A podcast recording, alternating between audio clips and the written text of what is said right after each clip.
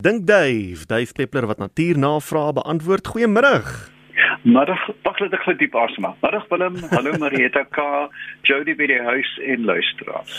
Voor ons wegval met die vraag, vertel ons eers 'n bietjie van jou liefdadigheidsprojek wat jy in die gang het vir die Kersfees. O ja, baie dankie Willem. Ek eh, elke jaar pak ek 'n bul by die horings en vir jaar is dit um stelker. Dit is dis uh, die uh, Stellenbosch munisipaliteit um wat sorg vir hawelose en uh vrouens en kinders hier met die Kerstyd. Jy weet ons sit almal ou kers aan op 'n tafel met geliefdes, ons eet oorvloedige kos en drank en so aan.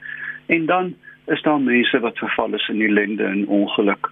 En ek het 'n volledige pos gemaak op my Facebookblad duifpeppler.co.za waar ek presies uitpak uh, wat hulle behoeftes is. En jy weet mense kan nou sê ja, ek bly in Brakpan en niks met Stellenbosch te doen nie. Ons moet tog net een ding onthou. Wat jy aan ander doen, doen jy uiteindelik aan jouself. Dankie Willem. Dankie Dave. Kom ons begin met hierdie een van eh, Johannes van Kakamas. Hy sê op ons Turksvy is daar wollerige luise. Weet jy wat dit dalk kan wees? Hoe kom hulle daar en hoe kan mense die verspreiding daarvan keer?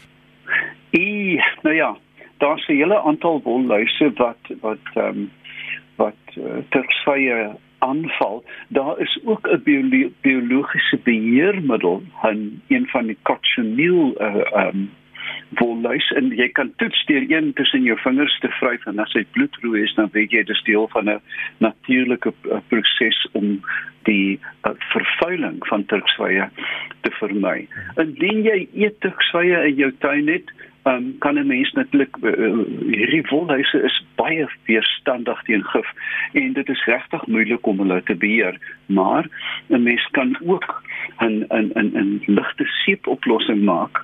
Um en dit dan daarop spuit en dan gewoonlik verander dit die oppervlaktespanning want die turkswyse blare is effens vetterig en dan val hulle af. Hmm. Maar um kyk eers of dit 'n beheermaatreël is of net gewone booswigte. Marie die jager van Pretoria Noord het hierdie ingestuur. Sy sê twee jacarandas staan reg langs mekaar, dieselfde grond, dieselfde water, hulle is ewe groot. Die een dra pragtige blomme en blare, die ander een omtrent niks. Wat sou die rede hiervoor wees? Ek weet nie, jy moet seker maar dan die ma en pa, die ouma en die oupa van die bome gaan kyk. Kyk, jacaranda bome ehm um, kom nie noodwendig uit dieselfde klone. Met ander woorde, die saad is nie net van een boom versamel toe die toe hulle geplant is veral in Pretoria nie. Daar is wyd saad versamel. So dit is heel moontlik maar net eenvoudig 'n refleksie op die op die moederplant hmm. dat uh, dit 'n skaamdraer was. Ehm um, maar jy weet sonder 'n foto gewoonlik uh, is dit vir my baie moeilik. Ek moet maar die die antwoord uit die duim suig. Maar ek dink dit is 'n genetiese ding en die die die die antwoord is om hom jou oë eenvoudig toe te maak om nou uit te kap en 'n nuwe een te plant wat jy weet gaan gaan mooi blom. Jy weet, mense sê hy fooi tog die arme boom. Wat vind fooi tog die arme jy wat in die ding moet vaskyk? Ek is roekeloos. Kap uit en plant 'n goeie een. Ja, oppas net dat dit nou nie 'n munisipale boom is wat op 'n sypaadjie staan en O, hemel, ja. Nee nee nee nee. Middernag met 'n masker. Linda Kutsie, sy vra, vertel ons asseblief hoe olifante met mekaar kommunikeer. Ja, dis 'n baie interessante vraag. Nou ja, om olifant jou reuse diere mense lag vir op plesier. Dis 'n magtige groep van die grootste landdiere wat ons het. En die eerste manier wat hulle kommunikeer binne die groep is visueel, deur veral die die houding van die slurp en die houding van die ore. As 'n olifant na jou toe aankom met gesperde ore en 'n slurp slurp omhoog, dan beter jy um ek wou nou op gat skoon maak vir Gerus, maar jy Dis wat jy moet doen. jy sorg dat jy wegkom. Um so dis is visuele rasiele aantal. Dan natuurlik geluide. Um Ons ken almal die trompeter van 'n olifant, hierdie is territoriaal, hulle roep. Maar dan is daar die verborgde geluide wat onder 20 Hz. Nou 'n normale mens, nie ek wat myself oor die jare doof geskiet het nie, onnoosel wat ek was. Luister jagters om vaders naam dra oor, oor beskerm. Ek het myself stokdood doof geskiet. Hoe dit ook al sê. Um Nou 'n normale jong mens kan hoor van 20 siklusse per sekonde tot 20000. Nou dit val met ouderdom ek hmm. kan hier by die 9000 hoor. Maar onder dit staan bekend as infraklank. Ehm um, en olifante kommunikeer onder 20 ehm um, siklusse per sekonde. Met ander woorde, hulle maak 'n maag gerammel. Um jy kan dit jy kan dit letterlik die vibrasie voel op die grond as jy langs dit staan. Nou die hele idee van 'n lae frekwensie is dat hierdie sein word nie geattenueer met ander woorde gereflekteer deur bome en takke nie. Hmm. Hoe hoër die frekwensie natuurlik soos vlermuise word die sein baie gerig. So as iemand in die oog kyk en 'n piep geluid maak, dan gaan hy daarvan weet. Maar as jy vir almal om jou wil sê ek is hier, dan rammel jy. En as jy 'n olifant is, kan jy dit hoor. En dan laastens netlik reuksintuiglik, hulle het akute akute reuksintuig. Um, en mens weet ook dat olifante al die die bulle as hulle reg is om te paar het hulle oogkliere wat so traan. Mm. Dit kan jy letterlik ruik. Dit ruik vir my so tussen karamel en kreosoot. Mm. Maar dit is netlik ambrosia vir koei olifante hier verstaan. So daar is nou die hele die hele suite van kommunikasie.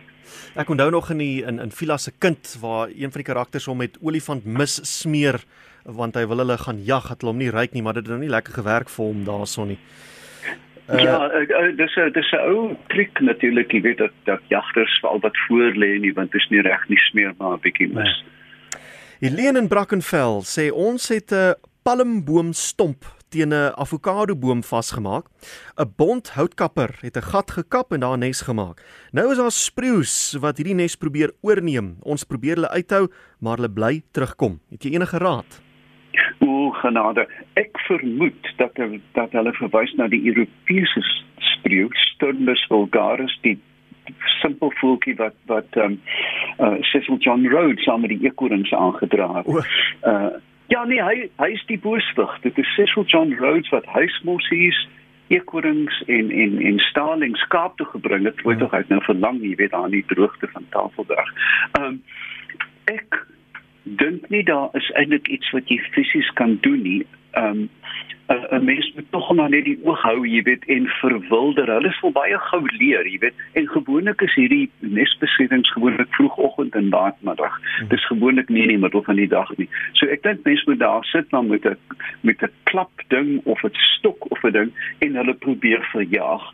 Ehm um, ek wil nie voorstel dat daar uh, wapens uitgehaal word en geskiet word nie, maar natuurlik later kan die oordeel van die ehm um, van die boomstomp oor.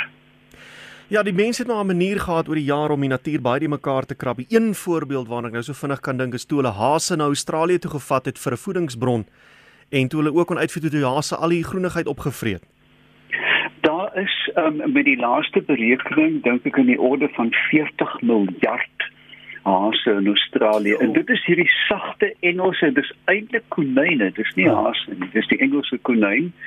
En hulle het dit al probeer amateuragtig uh, beheer met 'n aantal siektes. Uh, Myxomatose was een en dan um rapid hemorrhagic fever. En wat hulle gedoen het, hulle die siekte losgelaat 85% van die hase is dood en nou het hulle superhase wat hulle niks meer kan doen nie. Ag, hulle is almal weerstandig, so hulle is weerstandig teen beide hierdie gevaarlike siektes ja. en nou hulle superhase. Herman het 'n vraag ingestuur: Sal uile ook paddas eet? Ons het die afgelope ruk baie paddas in ons tuin gehad en daar's ook 'n uilpaar in die kompleks waar ons woon. Ons merk dat die paddas minder word. Is dit die uile wat hulle eet? Vermoed kyk ek dink die uile eet die paddas wat Nanel dra. Kyk ons moet nou mooi kyk na paddas, drie soorte paddas eintlik. Daar is die plat annas, 'n slijmerige uitpeel oog ding met skerp uh, kloue. Dan het ons rivierpaddas, dis drie groeperings met 'n gladde vel en dan natuurlik skurwe paddas. Nou um, ek ek ek weet nie nou wat soort padda die uh, luisteraars verwys nie, maar ek vermoed dit is die gladde padda. Want die skurwe padda, soos jy al te goed weet, as jy hond aan hulle byt, ja. uh, dan loop hy vir 'n hele dag met 'n skuimbek rond. Daar is vreeslike gif en van die ergste gif op aarde weet ons kom uit die Amazone, dit kom ook van die vel van paddas.